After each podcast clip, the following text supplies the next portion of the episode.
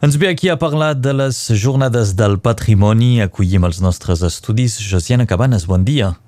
Bon dia, Rafael, bon dia a tothom. Consellera municipal encarregada del patrimoni, també de, de la llengua i la cultura catalana. Exacte. Aquestes jornades del patrimoni a Perpinyà ens reserven una llarga llista d'activitats, de visites, moltes coses i algunes novetats i tot. Començarem a parlar-ne d'aquestes uh, cites que van marcades doncs per les arts i el divertiment. Sí, cada any hi ha un tema eh, de, per les jornades de, del patrimoni i eh, en tant com possible eh, es prova de eh, tenir un, almenys una, una part de, de les activitats que, van girar, que, que vagin girades cap al tema. I doncs enguany, com el tema eh, és art i divertissement, hi ha una, unes visites patrimonials, per exemple a la Casa Sancho, la Sala Aragó de, de, de la Casa de la Vila o l'Hotel Pams o fins i tot la Catedral Sant Joan, que són teatralitzades, és a dir, que les persones que fan les visites eh, tenen una, es posen en condició d'uns de, uh, segles passats uh, de manera a fer que aquesta visita encaixi amb el tema i a més sigui fins i tot més, més interessant o més agradable de, de veure. Molt bé, aquestes jornades del patrimoni van ser pensades també per donar accés a llocs que normalment durant l'any són tancats al públic. Pensi que la base d'això, la, les jornades del patrimoni, era obrir tot el patrimoni al públic i, i sobretot els llocs que eh, eren acostumadament eh, tancats. Pot ser encara el cas, eh, per a Perpinyà no, perquè eh, eh, hem entaulat eh, precisament una política d'obertura al públic de, dels llocs patrimonials. Un cop que són restaurats, les portes s'obren. I eh, és el, el cas de l'Hotel Pams, que durant anys no s'havia vist, que durant anys el públic no, no, hi, no hi podia entrar i que d'ençà d'ara d'uns uh, un parell d'anys o més eh, és oberta per visites eh, al, al públic durant un, unes certes hores de, del dia. Eh, en canvi, eh, les jornades del patrimoni són també la festa del patrimoni i doncs hi ha com acabi de dir, unes accions particulars i se'n cal aprofitar tant com possible. I tant. Doncs si aquests llocs es poden visitar igualment durant l'any, és sobretot eh, el que s'hi afegeix, la manera de visitar-los, aquestes visites eh, teatralitzades i eh, també esdeveniments nous que poseu endavant. Per exemple, la novetat enguany, Perpinyà la Militar. Què és això? Eh, la, nost uh, la nostra vila és una vila uh, religiosa, és una vila militar, ja que se sap que va ser només desclassificada a principis del segle XX. I doncs no hi havia lloc patrimonial que posava de relleu aquest passat militar. I uh, enguany, doncs, uh, abans de l'estiu, uh, vam inaugurar a l'antiga Poudrière, uh, que també un lloc militar, ben entès, eh, ja que si era un dipòsit de, de, de pólvora eh, de, de canons eh, amb, amb eh, el lloc on se fonien els canons a, a costat, doncs eh, hem eh, inaugurat aquest lloc d'exposició permanent, primer eh, del Plan Relief de Perpinyà, eh, que es pot veure en condicions eh, optimals eh, i es veu en aquest moment eh, justament eh, el valor d'aquest eh, pla relief i eh, la, la seva precisió, eh, això és doncs a la planta baixa. I eh, el primer pis eh, s'enfoca sobre eh, punts particulars de, de Perpinyà, sobretot les muralles de Perpinyà, les antigues muralles de Perpinyà, i hi ha una mena de recorregut eh, que mostra tots els setges que va patir Perpinyà, eh, les batalles que es van desenrotllar al Rosselló eh, entre francesos i catalans es veu ben bé eh, la, el període en què vam ser mallorquins i aragonesos, si es pot dir així, i el període en què vam esdevenir eh, francesos. És un lloc que s'ha de finalitzar amb projeccions eh, d'imatges eh, després al sol, però ja és un lloc que treu molt la gent, eh, la qual cosa vol dir que respon a uh, una, una atracció. Uh, la gent sap que Perpinyà era una vida militar i, uh, com tots tenim més o menys la nostalgia de, de les muralles, permet precisament de, de tenir una atenció particular cap a, a, a les muralles de Perpinyà doncs, que se van destrossar com una, tothom ho sap al principis de, de segle XX per la part nord i eh, cap als anys 30 per la, la part sud. Ahir veu celebrar un Consell Municipal en el qual es va projectar un vídeo 3D d'aquestes visites? Uh, sí, és un treball molt interessant que, que fan els equips de la VIL i la, el Servei d'Animació del Patrimoni. Uh, són unes, unes pel·lícules en, en 3D i l'última precisament porta sobre Perpinyà la, la militar i mostra doncs, a partir del castellet tots els llocs també de fortificacions i de defensa de, de la vila eh, i eh, serà completat per un film que es diu eh, immersiu perquè eh, quan te poses una mena de casc i que tens aquesta pel·lícula que passa davant dels ulls eh, és com si fossis enmig tu d'aquest lloc sí. i doncs això és una novetat molt molt interessant que es farà presentar del Castellet i la gent que ho vulgui que el vulgui mirar eh, aquesta pel·lícula i podran anar des demà al Castellet tot el cap de setmana s'hi pot anar i es podrà veure aquest film? Uh, no, pas tots el cap de, de setmana, no crec pas. Això és una cosa que s'ha de, de...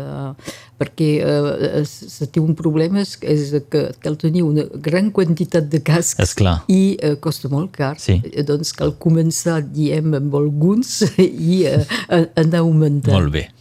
Um, en la sessió del Consell uh, Municipal d'ahir sobre aquest tema del Perpinyà la militar, vau fer remarcar que s'havia esmentat eh, com eh, le rattachement eh, de, de, de Perpinyà o de Catalunya Nord a França. És un terme que no us va agradar i per això vau intervenir. Sí, vaig intervenir de manera molt, molt pacífica perquè el, el, el treball d'aquesta pel·lícula i els comentaris eh, són molt ben fets. Però és veritat que sentint a cada vegada que es tractava del rattachement del Rosselló a França com si la cosa s'hagués fet de manera molt, molt tranquil·la entorn d'una taula, eh, vaig voler intervenir per dir que eh, no es tractava d'un rattachement, que es tractava d'una annexió que es va fer en el dolor, que es va fer en el sang, que es va fer amb un setge de Perpinyà terrible, que es va fer amb exilis. Bueno, eh, tot, tota la gent que coneix un poc la història del Rosselló sap el que va ser el període de l'annexió del Rosselló per França i que eh, les discussions de l'annexió, si els espanyols haguessin estat un xic més voluntaris, potser que França no hagués eh, eh, agafat el Rosselló, però l'hagués agafat un xic més tard, bueno, eh, és, és, eh, eh, em sembla que cal tenir cap a aquestes coses molta precisió, perquè no és pas fer eh, dir, eh, catalanisme excessiu, és fer eh, és fer història, és fer història de, de la nostra vila i, i del Rosselló. I com que aquestes pel·lícules fan història, em va semblar important de fer aquesta precisió. Molt bé, aquesta va ser la vostra intervenció durant aquesta sessió del Consell Municipal d'ahir. Les jornades del patrimoni és aquest cap de setmana 21-22 de setembre. Arts i divertiment són els temes centrals, a més d'aquesta novetat doncs, que ja ha tingut cert èxit, eh, perquè eh, hi ha hagut visites durant l'estiu. Uh, precisament el fet que, com deia, que els llocs patrimonials són oberts eh, permeten de tenir visitors de tot l'any, però ja sabem també que l'estiu és el moment en què hi ha més persones que, que visiten Perpinyà. I, per exemple, Perpinyà, la, la militar, doncs, el, el, la Poudrière, al mes d'agost hi van passar 1.750 persones per un lloc que s'acabava d'obrir eh, és bastant important. És per això que deia que eh, em sembla que és un lloc que té una mena de ressò eh, per, per a la gent i que, i, i que és atractiu. Eh, les esglésies parroquials van ser també molt visitades i Sant Mateu el mes d'agost va tenir 4.424 persones que hi van passar eh, ara que està restaurada, que es veu a quin punt eh, les, les pintures eh, de, de, que vam fer eh, el pintor Pot al segle XIX són, són guapes, bé, la, la gent hi va encara més. Molt bé, és un èxit per aquestes visites. Doncs aquell cap de setmana, ho hem dit, aquesta visita de, de Perpinyà a la Militar i els llocs doncs, habituals. Es podrà visitar la Casa de la Vila, eh, la Casa Sancho, es podrà visitar també la Catedral, eh, en fi, tots els llocs de patrimoni i amb aquesta particularitat de visites teatralitzades sovint. Eh? Sí, amb, amb una originalitat és que a l'Ajuntament de la Casa de la Vila hi ha un lloc en què no, no centre en principi eh, fins si hi ha bastanta gent que, que, que el cobeix eh, el mes de març vinent eh, és el despatx del Batlle.